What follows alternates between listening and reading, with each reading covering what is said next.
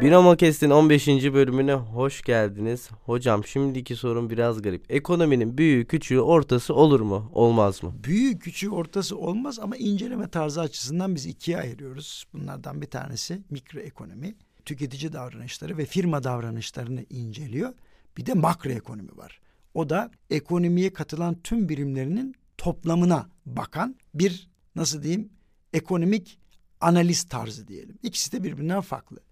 Mikroekonomide bireylerin kendilerini tatmin etmek için yaptığı davranışlar ve bu davranışların sonuçları incelenirken diğer taraftan da firmaların karlarını maksimize etmeleri için yaptığı davranışlar incelenir. Yani bir tarafta tüketici fayda maksimizasyonuna, diğer taraftan da firma kar maksimizasyonuna giderken neler yapmalı, nerede durmalı, nerede yanlış yapar şeklinde bir analiz var. Bu benim çok hoşuma gidiyor. Bazen böyle hamburgerciye gidiyorsunuz, belli bir restorana, bir markete. Mesela orada diyorlar ki bir tane daha ısmarlarsan ikincisi şu kadar indirimli. Veya şunu alırsan da yanında şunu veriyoruz. Bunların hepsi aslında mikroekonominin yüzlerce yıllık öğretisinden kaynaklanıyor. Şunu öğrendik.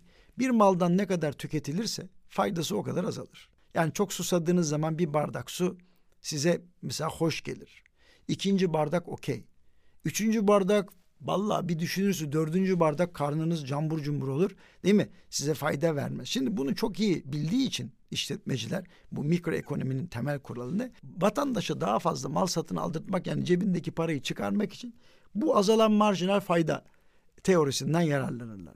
Öbür tarafa geçince işletmeler de şuna dikkat ederler. Toplam karın maksimum olduğu yer neresidir biliyor musunuz? Son ürettiğiniz malın karının sıfır olduğu yerdir. Şimdi bunu anlamakta bazen millet zorluk çekiyor. Şöyle anlatayım. Velev ki Türk milli takımının kalecisi topu dikti, degaj yaptı. Topun hızın sıfır olduğu yer aslında topun maksimum olduğu yerdir yüksekliğinin. Demek ki ondan sonra aşağı düşecek. Bütün işletmeciler şuna dikkat ederler. Her ürettikleri mal birimi onlara ne kadar karlılık sağlıyor. Yani mal başına karlılık. Bu yavaş yavaş böyle azalıyorsa tehlike çanlarıdır. Çünkü toplam kar maksimum olur ama sonra hafif hafif aşağı düşmeye başlayacağı için mikroekonomi onlara bazı öneriler ve çözümler sunar. Bu neye göre değişir biliyor musunuz? Mesela tekel piyasasında farklıdır. Oligopol yani tekel olmayıp da birkaç firmanın yönettiği, egemen olduğu firmada farklıdır. Bir de tam rekabet vardır. Yani herkesin birbiriyle onunla dövüştüğü, kakıştığı piyasa. Onda da ayrı. Onda da çok sayıda alıcı ve satıcı olduğu için e, tüketici belirler. Siz şimdi tüketicinin dikte ettiği fiyata karşı maliyetlerinizi yönetmek zorunda kalırsınız. O yüzden mikroekonomi eğlencelidir. İçinde biraz matematik olduğu için çoğu öğrenci hoşlanmaz. Ama makroekonomi biraz daha farklı. Makroekonomi devleti ileride yönetecekleri ışık tutacak bilgileri içerir. Mesela der ki kardeşim işte bir ülkede enflasyon var ya da bir ülkede düşük büyüme var. Bundan kurtulmanın yolu nedir? Mesela bunları anlatır. Şimdi biraz sebep sonuç ilişkileri karıştığı için ekonomide günümüzde bu kitabi bilgiler sanki faydalı olmuyormuş gibi gözükse de aslında bu kitabi bilgiler yüzlerce yıl test edilmiş yanlışlardan ortaya çıkmıştır. O yüzden ona tam katılmıyorum. Hocam işte kitapta böyle yazıyor. Ya arkadaş kitapta öyle yazıyor. Bir zamanlar insanlar çekmiş, yanlış yapmış, bedelini ödemiş o yüzden bunu yazıyor. Mesela para basılınca enflasyon olur. Sadece para basılınca değil. İşte biliyorsunuz daha önceki podcastlerde de anlattım. Artık merkez bankaları basmıyor. Yani para bankalar tarafından da finans kurumları tarafından da çoğaltılıyor. Ne kadar çok para olursa etrafta, ne kadar likidite bolluğu olursa, eğer vatandaşın satın alma meyli olursa otomatik olarak enflasyon olarak size bu geri dönüyor. Şimdi dolayısıyla bunu önlemek için devletin bazı mekanizmaları öne çıkarması lazım. Niye bunu yapıyor? Ya enflasyon olursa ne olur kardeşim dememek lazım. Çünkü enflasyonun bir de ahlak erozyonu yaratan tarafı da var. Çünkü yarın satın alacağınız fiyatın bugünden daha yüksek olduğunu düşünen herkes bir kere mal ve mülke saldırır. Veyahut da bunları satın almak için Allah korusun çok tuhaf işlere girebilir. Der ki benim gelirim düşük işte o yüzden ben yan işler yapayım. Bu yan işler genellikle karanlık işler ya da kanuni mesleti olmayan işler oluyor işte yaşadığımız gibi. Bunların önlenmesi için ya da ticari firmalar stokçuluğa gibi, yönelebilir. Gibi, Yarın öbür gün gibi, fazla fiyata gibi. satarım yani, diye değil mi? O da bir korkudan oluşur. Şimdi şöyle korku aklın katilidir ve akılın olmadığı yerde ahlak olmaz Devletin bunu bilerek iktisadi tribülansları önleyecek bazı reçeteler hazırlıyor olması lazım. İşte makro ekonominin içerisinde de bu reçeteler mevcut. Ama mikroyu bilmeden makroyu bilmemiz mümkün değil. Yani bir devlet yöneticisi mikroda tüketicinin her birinin ve firmaların her birinin davranışlarından haberdar olması gerekiyor ki bunların toplanarak yaptığı genel davranışı anlayabilsin diye. Eğilimleri anlayabilsin, korkuları, endişeleri anlayabilsin ya da hevesi, ihtirası anlayabilsin diye. Şimdi mikroyu bilmeden makro bilinmez. Sadece makro bilerek de yola devam edemezsiniz. Yani genele bakarak ama herkes şunu biliyor. Milli geliri yükseltmek için birkaç yol var. En kolayı kamu harcamaları. Ne olacak ya? Zaten efektif talep formülü içerisinde önemli bir fonksiyon. Ama biz bunu istemiyoruz. Çünkü kamu harcamaları eğer büyüse ileride vergi olarak geri dönüyor vatandaşa. Ve ne yapıyor? Gelir dağılımını adaleti bozan şekilde insanların ne yapıyor? Yaşam seviyesini düşürüyor. Çünkü devletin öyle bir vergi gelirine ihtiyacı oluyor ki ne yapıyor? Uçan kuştan vergi toplamaya başlıyor. Ha, demek ki bunun ideali özel sektör yoluyla borçlanma, özel tüketim ve özel yatırımlar. Peki bunun kaynağı ne? Yine makroekonomide yazıyor. Özel tasarruflar. Borçlanarak büyüdüğünüz zaman Margaret Thatcher'ın 1983 yılında Muhafazakar Parti Kongresi'nde söylediği söz kulaklarımızda çınlamalı. Diyor ki devlet şunu yapmamalı.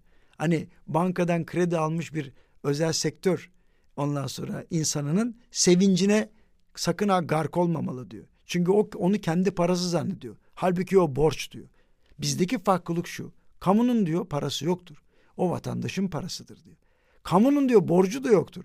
O da vatandaşın borcudur. Dolayısıyla biz borçları bir iş yaparken makroekonominin temel felsefelerine göre hareket etmeliyiz diyor. Bakın ne kadar o bile altını çiziyor makroekonominin.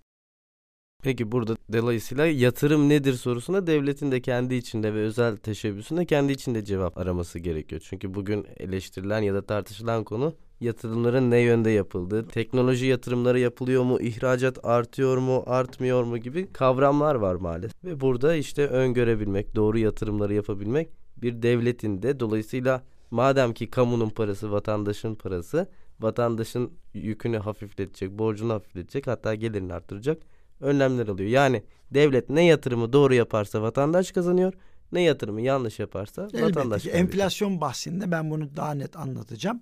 Ama çok güzel bir şeyin altını çizdiniz. Devlet Mustafa Kemal Atatürk'ün İzmir İktisat Kongresi'nde belirttiği gibi perdin yerine geçmeye çalışmayacak hiçbir zaman. Ama şahsi menfaatler toplum menfaatinin önüne çıktığı zaman da bir düzenleyici otorite görevi yapacak. Bunu da yaparken piyasa kurallarına her zaman saygılı olacak.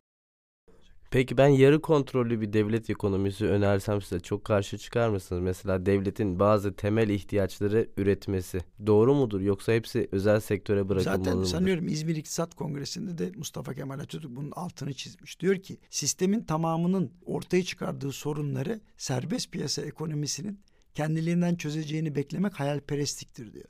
Dolayısıyla devlet öne çıkacak, bir düzenleyici otorite görevi yapacak, gerekirse piyasaları düzenleyecek. Ancak bunu yaparken dediğim gibi arz talep kanunlarına saygılı olacak ve e, yandaş yaratmayacak veya nasıl diyeyim sevmediklerini eşitsizlikçe davranmayacak ve bir aklı başında bir otorite kullanımıyla tekrar piyasaları dengeye getirecek. Tarımda böyle yapacak, sanayide böyle yapacak. Efendim temel gıda maddelerinde demin bahsettiğiniz gibi böyle yapacak. Ama vatandaşın en azından fiyatlar altında ezilmesini önleyecek önlemler mutlaka devlet tarafından alınmalı.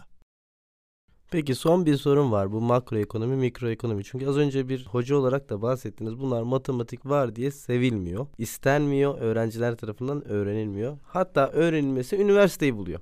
Yani biz lisede ekonomi dersi almadan ama koskocalık 8 saat günde 40 saat haftada neredeyse bazı şeyleri hiç bilmeyerek mezun olan bir nüfusumuz var. Bunlar daha erken öğretilemez mi? Yani bunun yaşı sizce Şöyle kaç olmalı? zaman ben üniversite hocasıyım. Tabii liselerden mezun olup karşımıza gelen çocukların matematik seviyelerini gördüğümüz zaman dehşete kapılıyoruz. Ama bu onların suçu değil. Dolayısıyla işte bu çocukların işte seviyesi düşüktü falan diye şikayet etmek yerine Milli Eğitim Bakanlarımıza çok sık değiştiği için bakanlarımıza diyorum. Özellikle ortaokul lise müfredatını, ilkokul müfredatını baştan gözden geçirmeleri gerektiğini söylüyor. Çünkü matematik aynı zamanda ahlaklı bir faaliyettir.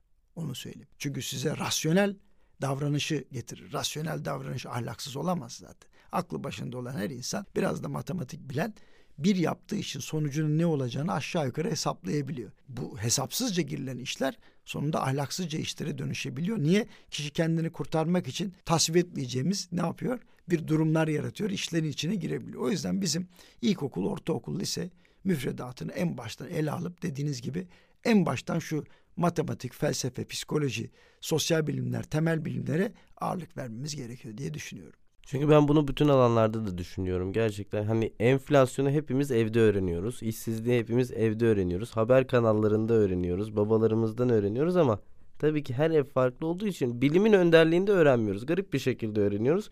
Dolayısıyla kişilerin veya çevrelerin, toplulukların bilimsel kavramlara bakış açısı farklı oluyor. Halbuki bunun bakış açısı yok. Bu bir bilim. Bu böyle. Bunu tartışabilirsiniz. Tabii ki bilime de bakış açıları olabilir ama bunun çıkış noktasını bilmiyoruz. Üniversitede İdari Bilimler Fakültesinden mezun olan arkadaşlar bir tık daha derinliğine iniyor. Artık ne kadar iniyorlarsa lisans programlarında. Geri kalan zaten Aa, bu böyle demişti, bu böyle demişti gibi bir salıncakta bir o yana bir bu yana sallanıyoruz bilgi açısından. Dediğiniz gibi o zaman ilk podcast bölümüne bağlıyoruz. Kişinin yatırımı kendine yatırımı. Bunları öğrenmekte de büyük fayda var diye düşünüyorum. Binomo Kest'in 15. bölümünün sonuna geldik. Enflasyondan bahsedeceğiz 16. bölümde takipte kalın.